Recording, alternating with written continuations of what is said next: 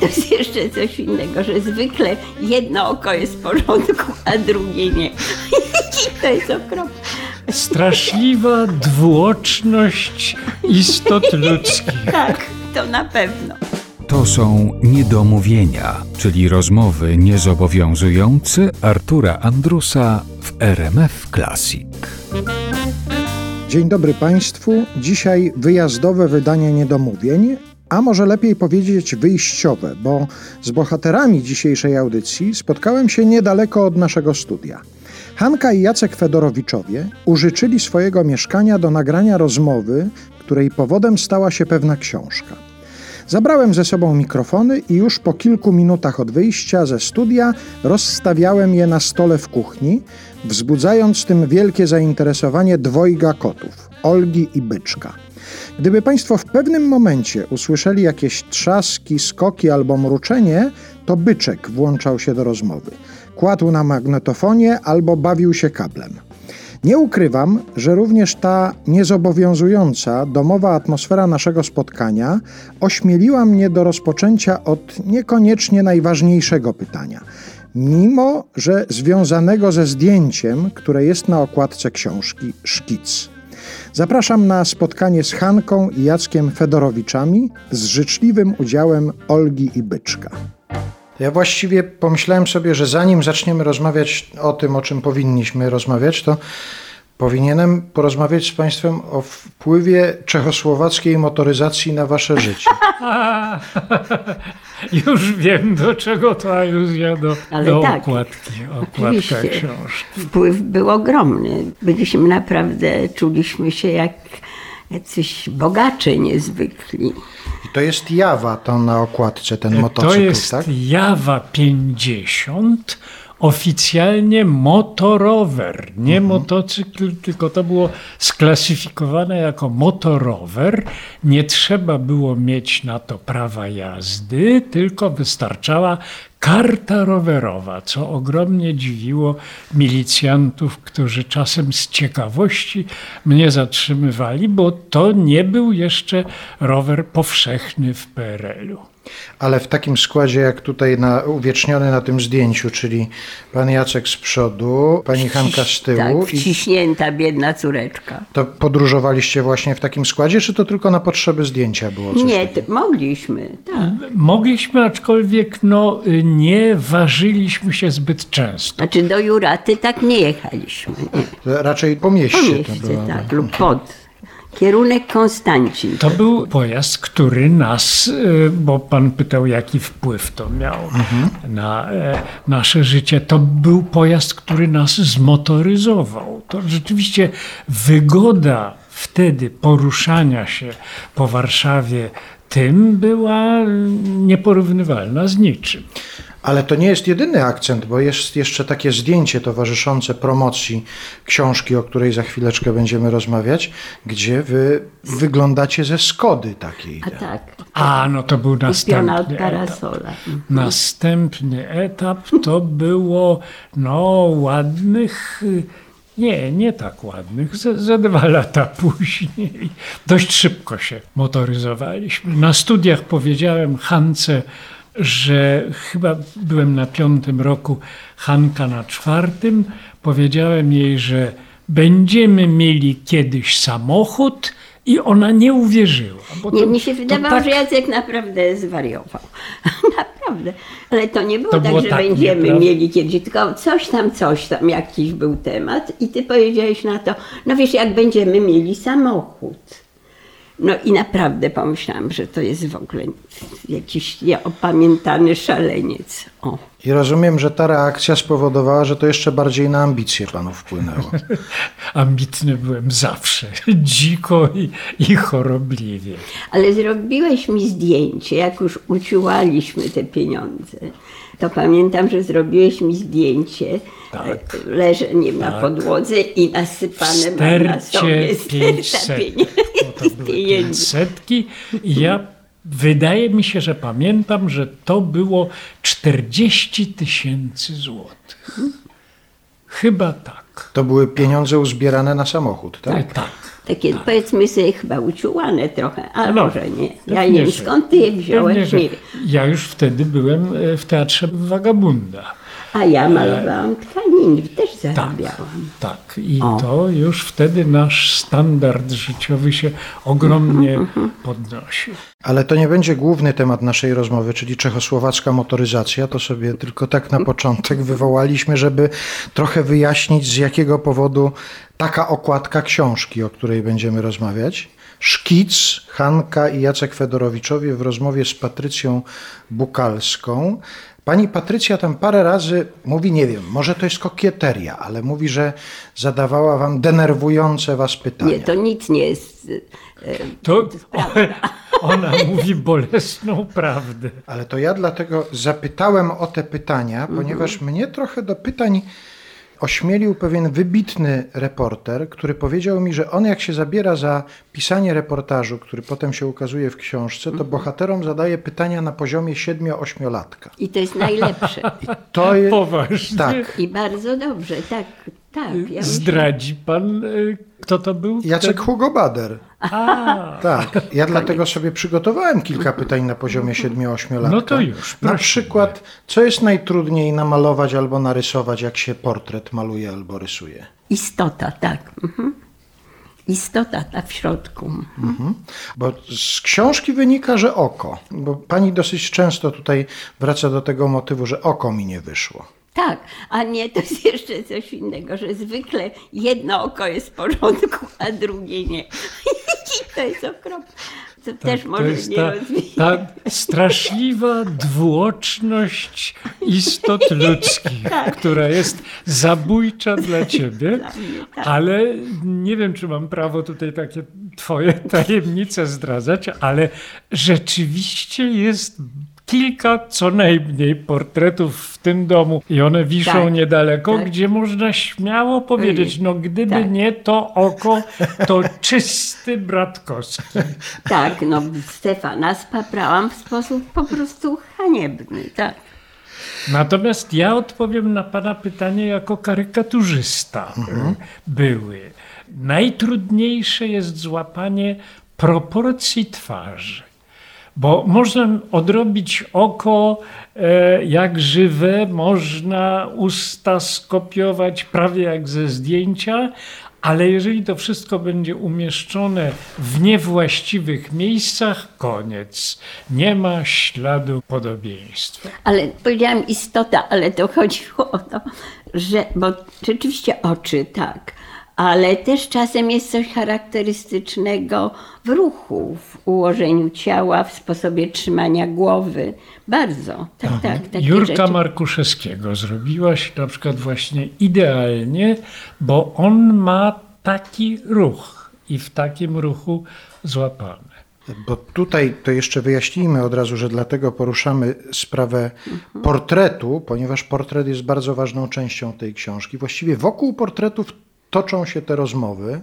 Te portrety są takim punktem wywołującym poszczególne postacie. To są portrety z czasów stanu wojennego głównie, tak? Tak. I czy to był taki okres, kiedy Trochę przed, trochę po, czasem, czasem. ten moment, stan wojenny, to był taki okres, kiedy tych portretów powstało najwięcej, czy one... Nie, ja mam ich w ogóle bardzo dużo i w ogóle chciałam je wyrzucić i naprawdę zrobić, bo tego Ty strasznie. naprawdę chciała. a Jacek nie- wyjechał, I ja- dlatego ja doprowadziłem do wydania tej książki, ponieważ uważałem, że to musi zostać. I zostało. Ocalone przez Jacka Fedorowicza portrety autorstwa jego żony są w książce Szkic. Portrety i szkice portretów. Takich ludzi jak Maja Komorowska, Helena Łuczywo, Halina Mikołajska, Julia Hartwig, Marian Brandys, Zbigniew Herbert, Marek Edelman, jest zaczęty Zbigniew Bujak, jest Jacek Kuroń, są też Jan Kociniak z żoną, Maria Czubaszek, której nikt takiej nigdy nie widział, córka i wnuki Hanki i Jacka Fedorowiczów i wielu, wielu ludzi, których nazwiska może nie są bardzo nośne medialnie, ale są zapisane na kartach historii. ludzi, z którymi państwo Fedorowiczowie działali w czasie stanu wojennego w tak zwanym Komitecie Przypiwnej. Ale opowiadają o tym nie w sposób kombatancki, nie wystawiają piersi do orderów. Bardziej niż o trudnym czasie, to są wspomnienia o niezwykłych ludziach, którzy gromadzili się przy kościele świętego Marcina w Warszawie po to, by pomóc. Pomóc, być ze sobą, walczyć, ale i obśmiać, czy, jak mawia pani Hanka, mieć prześmiane, co trzeba. Obydwoje z wykształcenia są malarzami. Ona przez całe zawodowe życie malarka, on satyryk, autor, aktor, ale i rysownik. Więc nic dziwnego, że tytuł książki zaczerpnięty jest z fachowego słownika ludzi wykształconych plastycznie. Szkic, ten tytuł, też sugeruje, że ja oczywiście zajrzałem do słownika, żeby nie było żadnych już wątpliwości, co to znaczy tak, co to znaczy szkic. Wstępny projekt czegoś, co ma być wykonane. Też rysunek przedstawiający główne zarysy czegoś. Tak to słownik języka polskiego formułuje. Jeszcze do tego najczęściej formułowane zdania to szkice z albo ze, o i do, szkic do. Tak, to prawda. Dla mnie to jest notatka, szybka notatka. Mhm. Tak to rozumiałam, po czym bardzo rzadko to się stawało tą notatką. One najczęściej tak zostawały. Ale mówiłam właśnie, że chciałam zniszczyć, dlatego że to jest za dużo. I jak Jacek kiedyś wyjechał, ja się rozłożyłam w pracowni, tutaj, wszędzie na podłodze. Oczywiście koty po tym latały, ale przynajmniej wiedziałam, że od razu sobie posegregowałam i dużą część właśnie do wyrzucenia przygotowałam. Zadzwonił akurat Wiktor Kulerski, pytał, co robię, więc powiedziałam.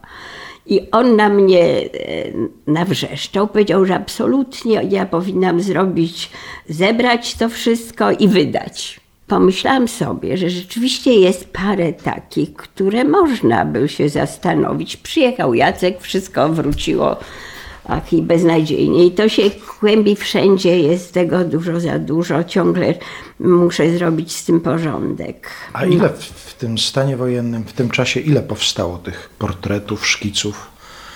To są dziesiątki, czy to są setki? Nie, nie wiem, nie, nie liczyłam. To szalenie trudno. Nie, nie liczyłam dużo, dlatego że powody były różne. Spotykali Kilkasetek bym zaryzykował. Powiedzmy, jak chodzi o szkice, tak. Och, tak, to na pewno. I sytuacje kilkaset, były tak. różne, tak, w jakich, mhm. bardzo różne sytuacje. Na przykład Helena Łuczywa, ona twierdzi, że nigdy mi nie pozowała, mnie to tak potwornie śmieszy. To niby skąd się wzięła? Bo to było robione mimochodem, bo to Hanka nie robi żadnego misterium, że ustawia cztery reflektory, fotel, proszę bardzo, taka poza. Nie, po prostu z kimś rozmawia. I ten ktoś w ogóle się nie orientuje, że jest malowany nie, nie, w tym czasie. Na ogół Czasem się orientują, tak, tak, tak, ale na ogół się orientują, bo siada sobie człowiek i rozmawiamy, ale wolno się ruszać, zmieniać, ten wszystko. Nie boli. Tak mhm. bym powiedziała ogólnie rzecz biorąc. No jeżeli Helena Uczywo twierdzi, że nie pozowała, a jest jej portret, można wnosić, że to jest portret pamięciowy na przykład. no, ale tak bywa. Mhm. Tak, czasem, tak czasem robiłam, że coś zaczynałam, bardzo tylko zaczynałam, a potem rzeczywiście z pamięci. Nawet Jacek się zadziwiał. Tak, mnie to zawsze, mnie to imponowało, ponieważ y, ja też kończyłem y, wyższe studia malarskie, co mnie samego śmieszy w tej chwili, bo już dawno od tego odszedłem, ale pamiętałem studium portretu i pamiętałem, że rzeczywiście no, musiałem mieć nieruchomego modela i bardzo długo się w niego wpatrywać, łapać te proporcje, o których mówiłem, proporcje twarzy. I tylko raz w życiu mi się zdarzyło kogokolwiek z pamięci narysować. Tylko raz.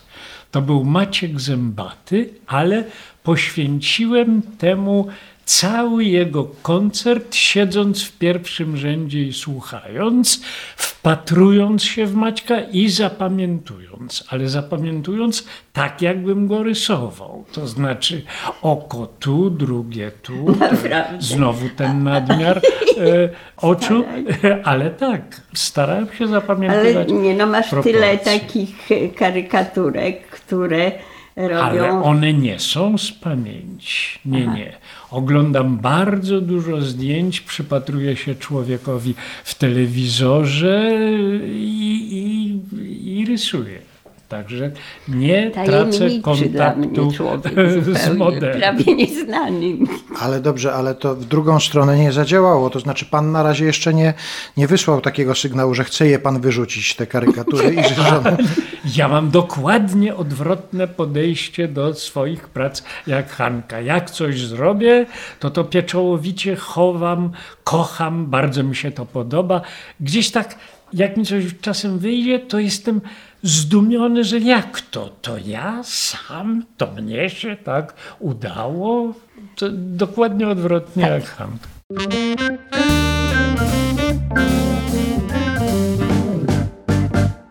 Panie Jacku, ale ja pamiętam na przykład nasze jakieś wspólne pobyty na festiwalach, przeglądach kabaretowych i ja obserwowałem pana parę razy przy stole jurorskim. Pan też prowadzi właściwie notatki rysunkowe, bo pan sobie, widziałem, przepraszam, Rzeczywiście. pan rysował sobie kabaret. Rzeczywiście, to prawda, dlatego że nie miałem wtedy jeszcze aparatu fotograficznego w telefonie, tak jak wszyscy, a jako juror musiałem sobie jakoś zapamiętywać tych ludzi, którzy występowali. Tak, i to były, to były notatki zamiast fotografii. I rozumiem, że pan potem spoglądał na ten Tak. rysunek i wiedział, I co to za wiedziałem, kabaret. o kim mówię, inaczej bym nie pamiętał. Ależ spostrzegawczy ten Andrus, no w życiu bym go nie podejrzewał, no, naprawdę. Tak. Czy jeżeli chodzi o pracę, wtrącacie się sobie w sprawy zawodowe w jakikolwiek sposób? To znaczy recenzujecie na przykład, podpowiadacie albo pytacie, prosicie o pomoc, jest w tych Ja zawodowych? jestem bezwzględnym potworem. Cieszę się, że to powiedziałaś. Ułatwiłam. Tak, ułatwiłam. E, Tak, to znaczy mm, ja jako kto teraz, e, pan pyta, jako piszący czy jako rysujący? Zacznijmy od piszącego, a zaraz przejdziemy do rysującego. E, Jako rysujący od pierwszych chwil naszej znajomości. To znaczy Hanka jeszcze w liceum plastycznym, a ja już na drugim roku wyższej uczelni. Od pierwszych chwil uznawałem jej wyższość, bo po prostu no, nie ma co ukrywać, utalentowana wybitnie. A ja ciężką, mrówczą pracą No dochodziłem bo nie byłeś e, do wszystkiego. nie byłeś ani po liceum, ani po niczym. No. No też musiałem nadganiać. No, Dobrze. Natomiast Więc ja byłam hałaśliwa i zwracam, to też nieszczęście swoją drogą, ale zwracałam bardzo uwagę, więc dlatego. No i, też tym, co rysowałaś i malowałaś. Szybko, tak, tak, no, to- Umówmy się. A teraz jako tak zwany twórca, musiałem użyć tak zwany, dlatego że mówienie od tak sobie en passant twórca o sobie mnie razi. Więc jako człowiek piszący, o tak to określmy, jako człowiek piszący zawsze chciałem mieć odbiorcę, który ewentualnie zasugeruje mi, jak mój odbiorca, ten nieznany, ten czytelnik, czy ten telewidz, czy radiosłuchacz, jak on to odbierze. I do tego służyła mi Hanka. A ja reaguję jak klasyczna praczka, tkaczka czy spawaczka, dokładnie. Tyle, Dokładnie. że trochę zbyt życzliwie. No to Dlatego, łagodnie że- mówisz, odwrotnie myślę. Ale Jacek jako dobry człowiek, on na to, co ja robię, patrzy zupełnie inaczej właśnie. Tak przyjaźnie, życzliwie. O. I tu muszę e, zdradzić, że Hanka też mi masę, po, ma jedną taką cechę, która dla mnie była niesłychanie wygodna. Mianowicie ona się nigdy nie pchała ze sobą, żeby ją odznaczać, e, nagradzać, dziękować. I podsuwała mi masę pomysłów do różnych skeczy, do A to prawda, dawno, dawno Podsuwała temu. tak. mi to za darmo. Absolutnie nie chcąc nawet, żebym ja bodaj zdradził, że to ona Nie, ale wymyśliła. nie o to, bo to nie o to chodziło, no w ogóle przecież coś No się ja wiem, działo. o wspólne dzieło Coś się chodziło. działo. Dla sztuki pracowałaś. A jeszcze a propos wspólnego dzieła, to jest tutaj w tej książce też ten, ten wątek poruszony.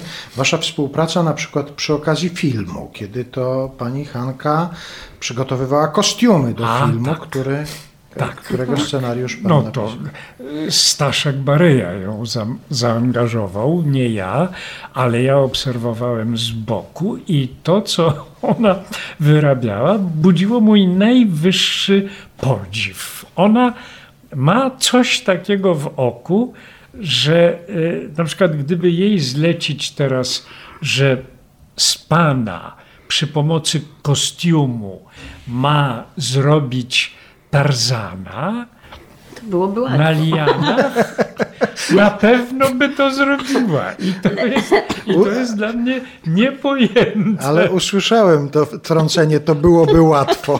No bo po prostu siedzi Tarzan, no to co go tu przebierać? Natomiast powodem do dumy było to, że zachwyciły te kostiumy Andrzeja Wajdę.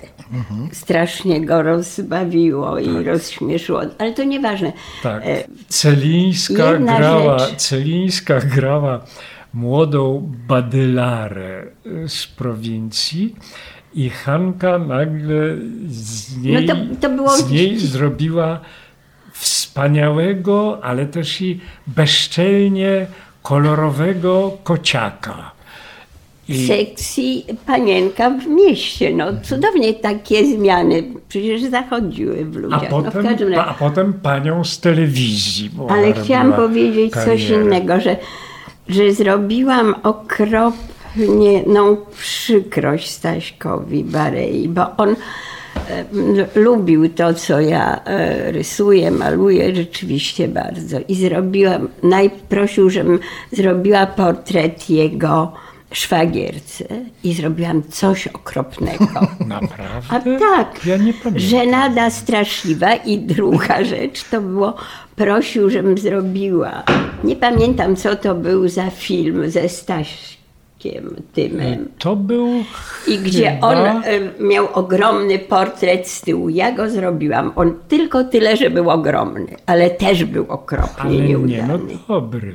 Nie. Ale w filmie zagrał. No i to nie jest argument.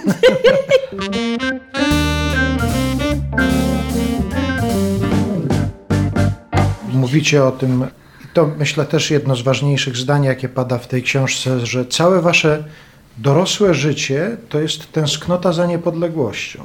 tak, to A to, to jest chyba dobrze określone, dlatego że to tak było.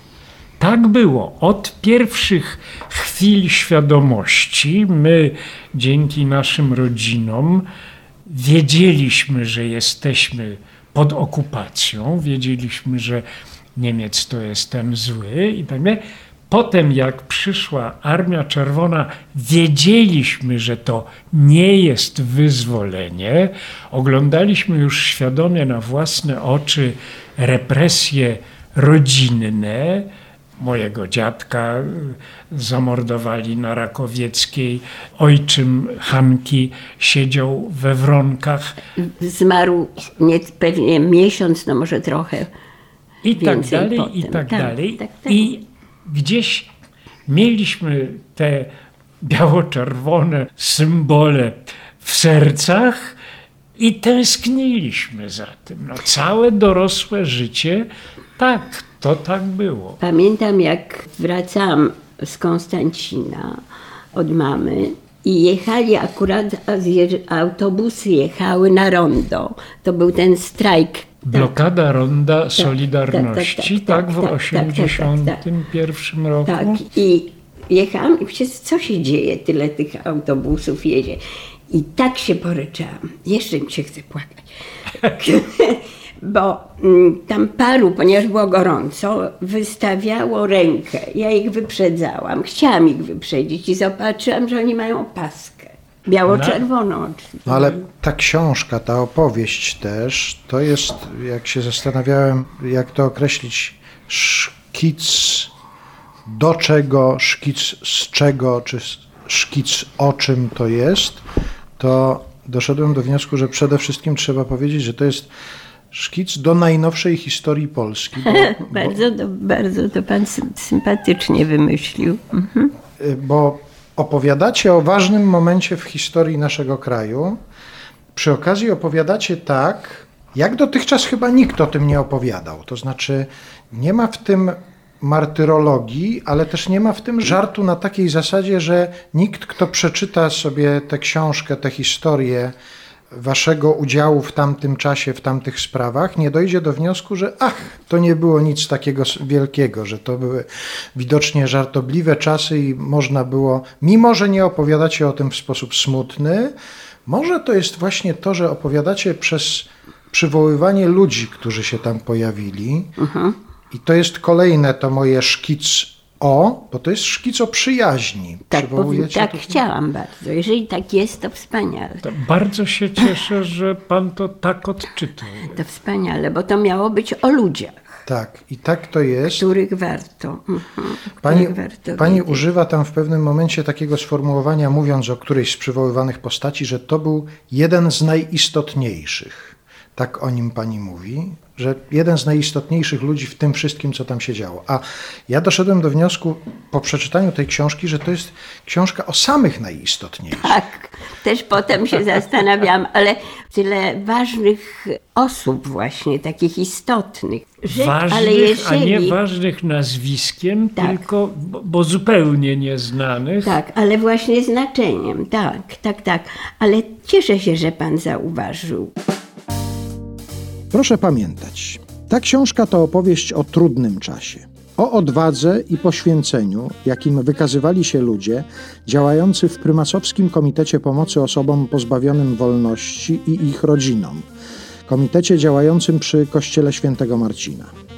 Ale opowieść inna niż ta, które mogli Państwo czytać wcześniej, właśnie przez ludzi, których przywołuję i przez sposób opowiadania. Chociażby to, że o stanie wojennym pani Hanka mówi per stanik, że potrafią pani Hanka i pan Jacek w tej rozmowie przywołać sytuacje groźno zabawne, jak na przykład opis akcji milicji pod kościołem świętej Anny, kiedy to dowódca akcji wzywał schowanych w nim ludzi do wyjścia groźnym Proszę wyjść z kościółka. Moim zdaniem książka Szkic to też dokument z opowieści jej bohaterów można się dowiedzieć dokładnie, jak była zorganizowana praca Komitetu Pomocy w Kościele Świętego Marcina w Warszawie. Na wewnętrznej stronie okładki pan Jacek narysował nawet szkic ze wspomnień.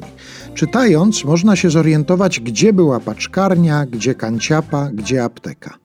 A pani Hanka niech teraz opowie, czym się zajmowali ludzie, którzy natychmiast po wprowadzeniu w Polsce stanu wojennego zgłaszali się do dobrowolnej pracy w tym miejscu.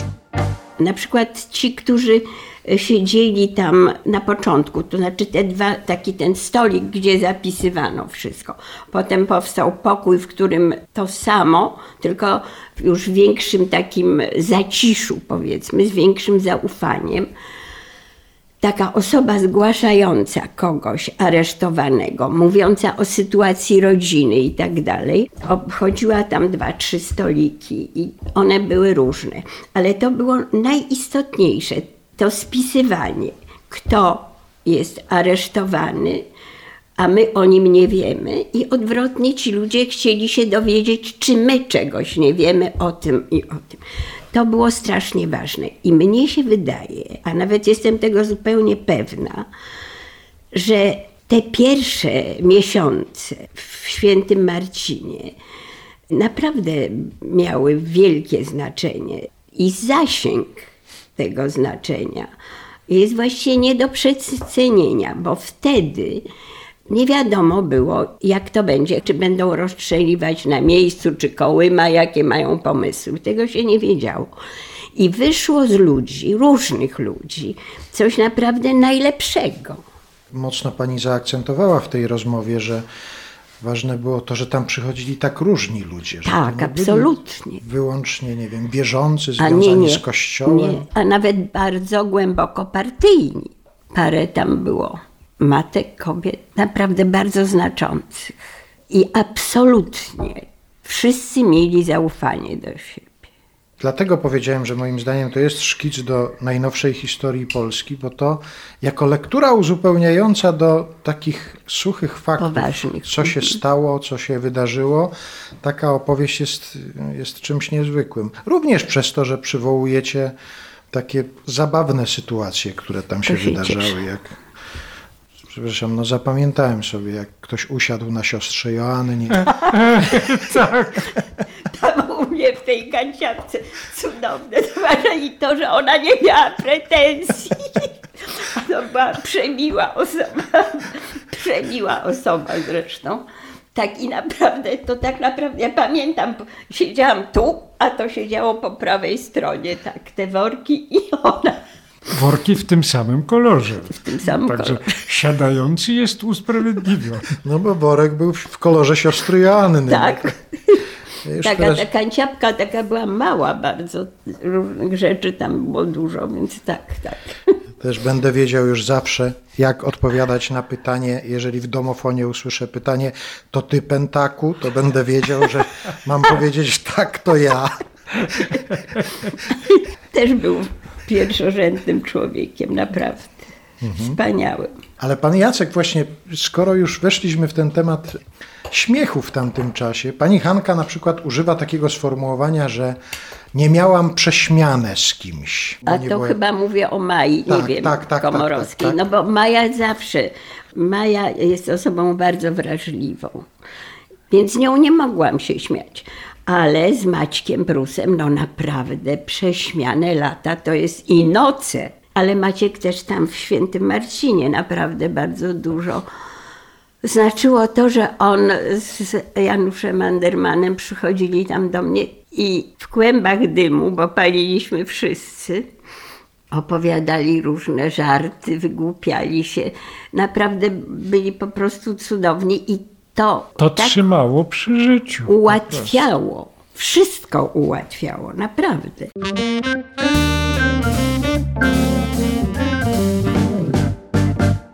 No ale pan, panie Jacku, używa nawet pan takiego sformułowania, że to jest ten etap, kiedy pan postanowił Jacek Fedorowicz nie satyryk. Ale to było na samym początku. To było na samym początku, dlatego że ja się bałem, że gdyby się od razu z nich zacząć wyśmiewać, to umniejsza się ich grozę. Można sprawić, że ludzie zapomną o niebezpieczeństwie i zapomną o tym, jacy oni są groźni, to raz, a poza tym wyśmiewanie w tej sytuacji nie uważałem, że jest właściwą formą postępowania, bo nie wyśmiewać się z nich, tylko walczyć z nimi trzeba. Teraz jak walczyć? No nie kamieniami czy przy pomocy pistoletów, bo to nonsens, tylko walczyć poprzez organizowanie się poprzez y, zakładanie miejsc, gdzie się drukuje, gdzie się robi kasety, gdzie się robi nagrania i tak dalej, i tak. A gdzieś dopiero po jakichś trzech, czterech latach wróciła mi chęć rozśmieszania. Tutaj padło ważne słowo i pan na to słowo też zwraca uwagę, na ten przedmiot zwraca pan uwagę w tej rozmowie. Kaseta magnetofonowa. O tak. Niedoceniona. To, była- to była cudowna nasza broń, która umknęła uwadze historyków. Prowadziłem ogromne boje właśnie z tymi, co urządzali różne wystawy, gdzie y, zawsze króluje tak zwana bibuła, no bo to takie fajne, takie z trudnością odbijane na powielaczu, natomiast zupełnie jest Pomijana. zapomniana, pomijana kaseta. Najpierw magnetofonowa, a potem kaseta wideo. Kasety wideo zrobiły swego e, czasu, już pod koniec mm, lat 80., ogromną furorę. To miało ogromną widownię i to no, zrobiło bardzo dobrą robotę. A co się stało z tym sprzętem nagraniowym, który pan na przykład miał ze sobą na strajku w Wyższej Szkole Oficerskiej Straży Pożarnych? to wspomnienie, jak e, ja, Ja, miałem, uwielbiam to. ja miałem to jest cudowny- absolutnie filmowa e, ja miałem scena. cudowny magnetofon z zepsutą automatyką. Nareszcie mam kogoś, kto rozumie, co ja do niego mówię. Zepsuta automatyka polegała na tym, że jak nagrywałem, on brał tylko pierwszy plan. I na przykład mogły być dookoła mnie, mogła być wojna atomowa, a jak ja mówiłem do mikrofonu, to mikrofon prawie czyściutko wszystko brał. Ale wystarczyło, że ktoś, tak jak Hanka teraz, bawi się okularami, że ktoś tu pstrykał przed mikrofonem, łapał tylko ten długopis i absolutnie wszystko inne nikło. I teraz jak ktoś umiał się tym posługiwać tak jak ja, no to wszystko mógł nagrywać w każdych warunkach. To też a propos tego, co pan mówi o tym, kiedy satyryk jest potrzebny, a kiedy nie. Zaprosili mnie tuż przed y, wybuchem stanu wojennego na strajk w szkole pożarniczej. To to jest. To jest. Tak, tak, tak. Zaprosili Książce. mnie, żebym, tak jak oni sobie wyobrażali, zabawiał strajkujących. No, wydawało mi się, że nie ma głupszego pomysłu niż ten, żeby jechać tam zabawiać. Natomiast wspaniałym pomysłem uznałem będzie, jeżeli ja wezmę swój cudowny magnetofon i tam nagram reportaż z tego strajku, który potem na kasety powieli się, bo mieliśmy wtedy Radio Solidarność Regionu Mazowsze, czyli e, taką wytwórnię kasetową dla radiowęzłów. I co tydzień szła na radiowęzły kaseta godzinna z różnymi nagraniami i to miało odbiór porównywalny z polskim radiem. I udało mi się wspaniale wedrzeć do Ale tego to nie budynku. opowiadaj, bo to jest w książce. Tak, tak. Do, Dokładnie. No, więc było tak, że podjechałem pod ten budynek, zobaczyłem, że jest otoczony milicjantami, którzy chodzą w kółko. To jest Zaczekaj, zaczaiłem się w krzakach. Ciąg dalszy w książce. Tak, o, to wspaniale. Ale nie ma tego, przepraszam, muszę o to dopytać, ale nie ma tego, co się z tym sprzętem stało potem. On trafił gdzieś do jakiegoś muzeum, czy pan go ma w domu cały czas? E, Nie, jakbym tak dokładniej poszukał swoje szuflady i szafy, to bym go znalazł, ale on jest już nie do zreperowania. Ale ja przy, mogę zadać Tak. pytanie jeszcze, a dlaczego ty byłeś całkiem okablowany? Bo to musiało mieć gdzieś jakieś... Dlatego, że ja ukrywałem mikrofon. Chowałem mikrofon, miałem Ale cały byłeś Miałem, zawinięty. bo miałem na lewej ręce miałem zegarek, który dostałem No tak, od tak. taty na Tak. maturę. To Tak. była cebula w specjalnym takim bardzo dużym skórzanym opakowaniu. I tam się świetnie mieścił mikrofon. E, I jak chciałem nagrać kogoś, kto nie wiedział, że jest nagrywany, i ja nie chciałem, żeby się dowiedział, to tutaj jeszcze tą ręką, gdzie mam zegarek, trzymałem fajkę, że niby ją palę i odstawiam od tak. ust i przystawiałem ten mikrofon prawie, że dokładnie Nie, do to tak, ust tak, ale- rozmówcy, ale ale teraz od tego mikrofonu kabel musiał iść tędy, tutaj i przez jeden rękaw, potem przez drugi rękaw, bo magnetofon Philips był w torbie schowany i teraz ta ręka sięgała tu do torby i włączała magnetofon. Aha, bo wiesz, ja tego, ja tylko zapamiętałam, że się od, No tak, cały no byłeś byłem, no okręcony, musiałem ale nie pamiętałam właściwie o co chodziło. Dobrze. już. Ale to jest właściwie koszmarny sen każdego radiowca, więcej, koszmarna rzeczywistość każdego radiowca, że kiedyś się coś nie nagrało. Pamięta pan coś takiego? Och, tak, oczywiście, ale już naprawdę to, to, to, to po prostu to, to straszne. Wywiad jakiś niesłychanie ważny z kimś, ale to i tak jest nic w porównaniu z Kevinem Ruane, naszym zaprzyjaźnionym korespondentem BBC, który mieszkał już w Australii. Z Australii przyjechał na umówiony, przyleciał na umówiony wywiad z Wałęsą, siadł z Wałęsą, nagrał i nie zwolnił magnetofonu z pauzy. Cały czas magnetofon mu pokazywał, że nagrywa, bo to, to takie były wtedy, że takie, czte, takie pięć światełek latało, że niby nagrywa, wrócił do hotelu i okazało się, że magnetofon stał na pauzie. To ja teraz muszę sprawdzić, co, co ja tutaj mam, co mi No. tutaj pokazuje. No tak. Nie, no zwolnione z pauzy, chyba. To się ok- okaże, jak wrócę do domu.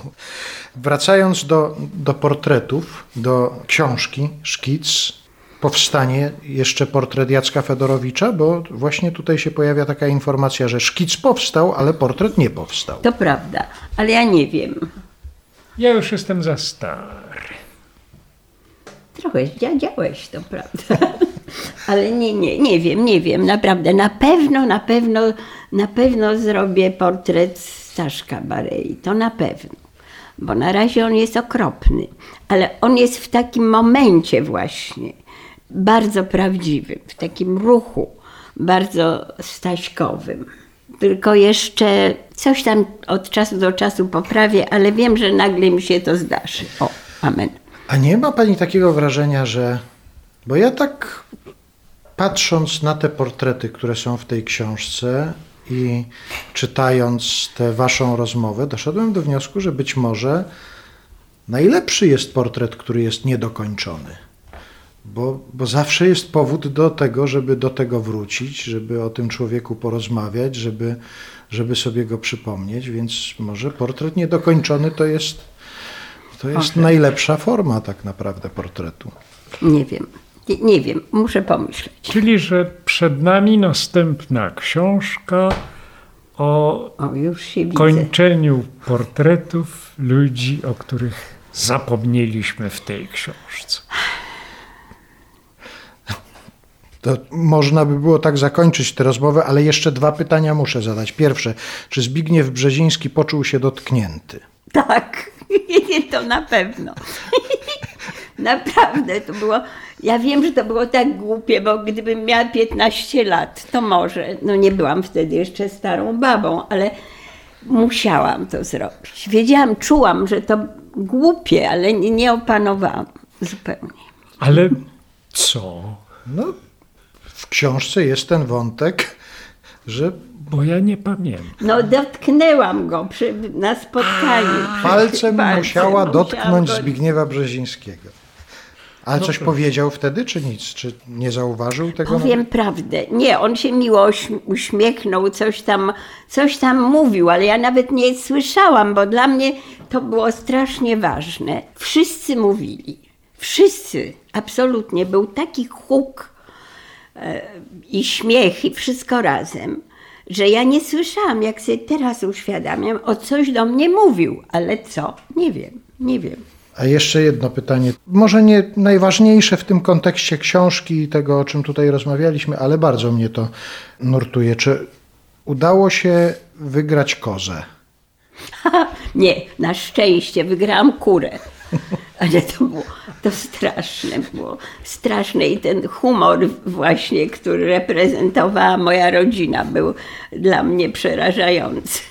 tak. Ale to ja muszę dopowiedzieć, bo wy sobie rozmawiacie, a No. przecież nie wiadomo o czym.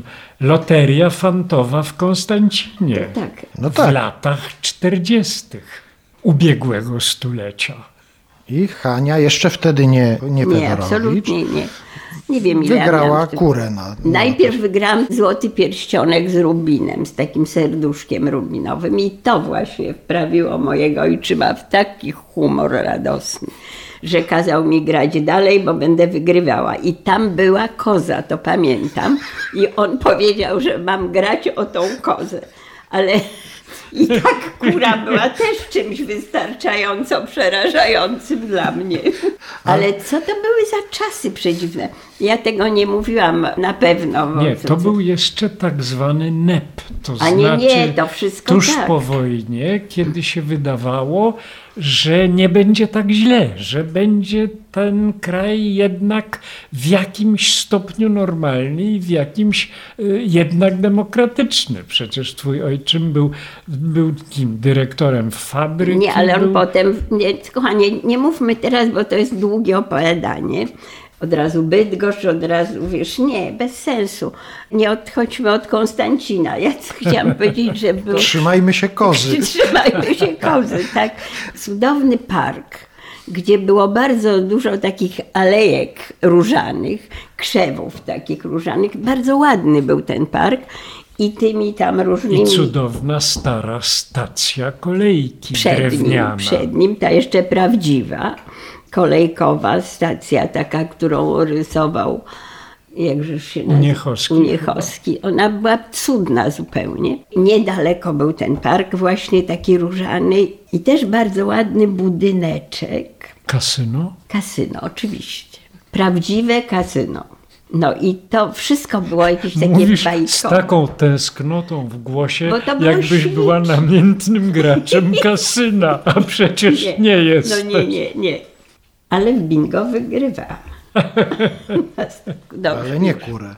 Nie, nie, nie, nie. To Ja jeszcze nawiązując do kury i kozy, chciałem zwrócić uwagę na to, też to jest ważny element tej opowieści. W książce się pojawia zwierzęta, które ratują portrety na przykład. Ach, no to to opowieści na wiele godzin.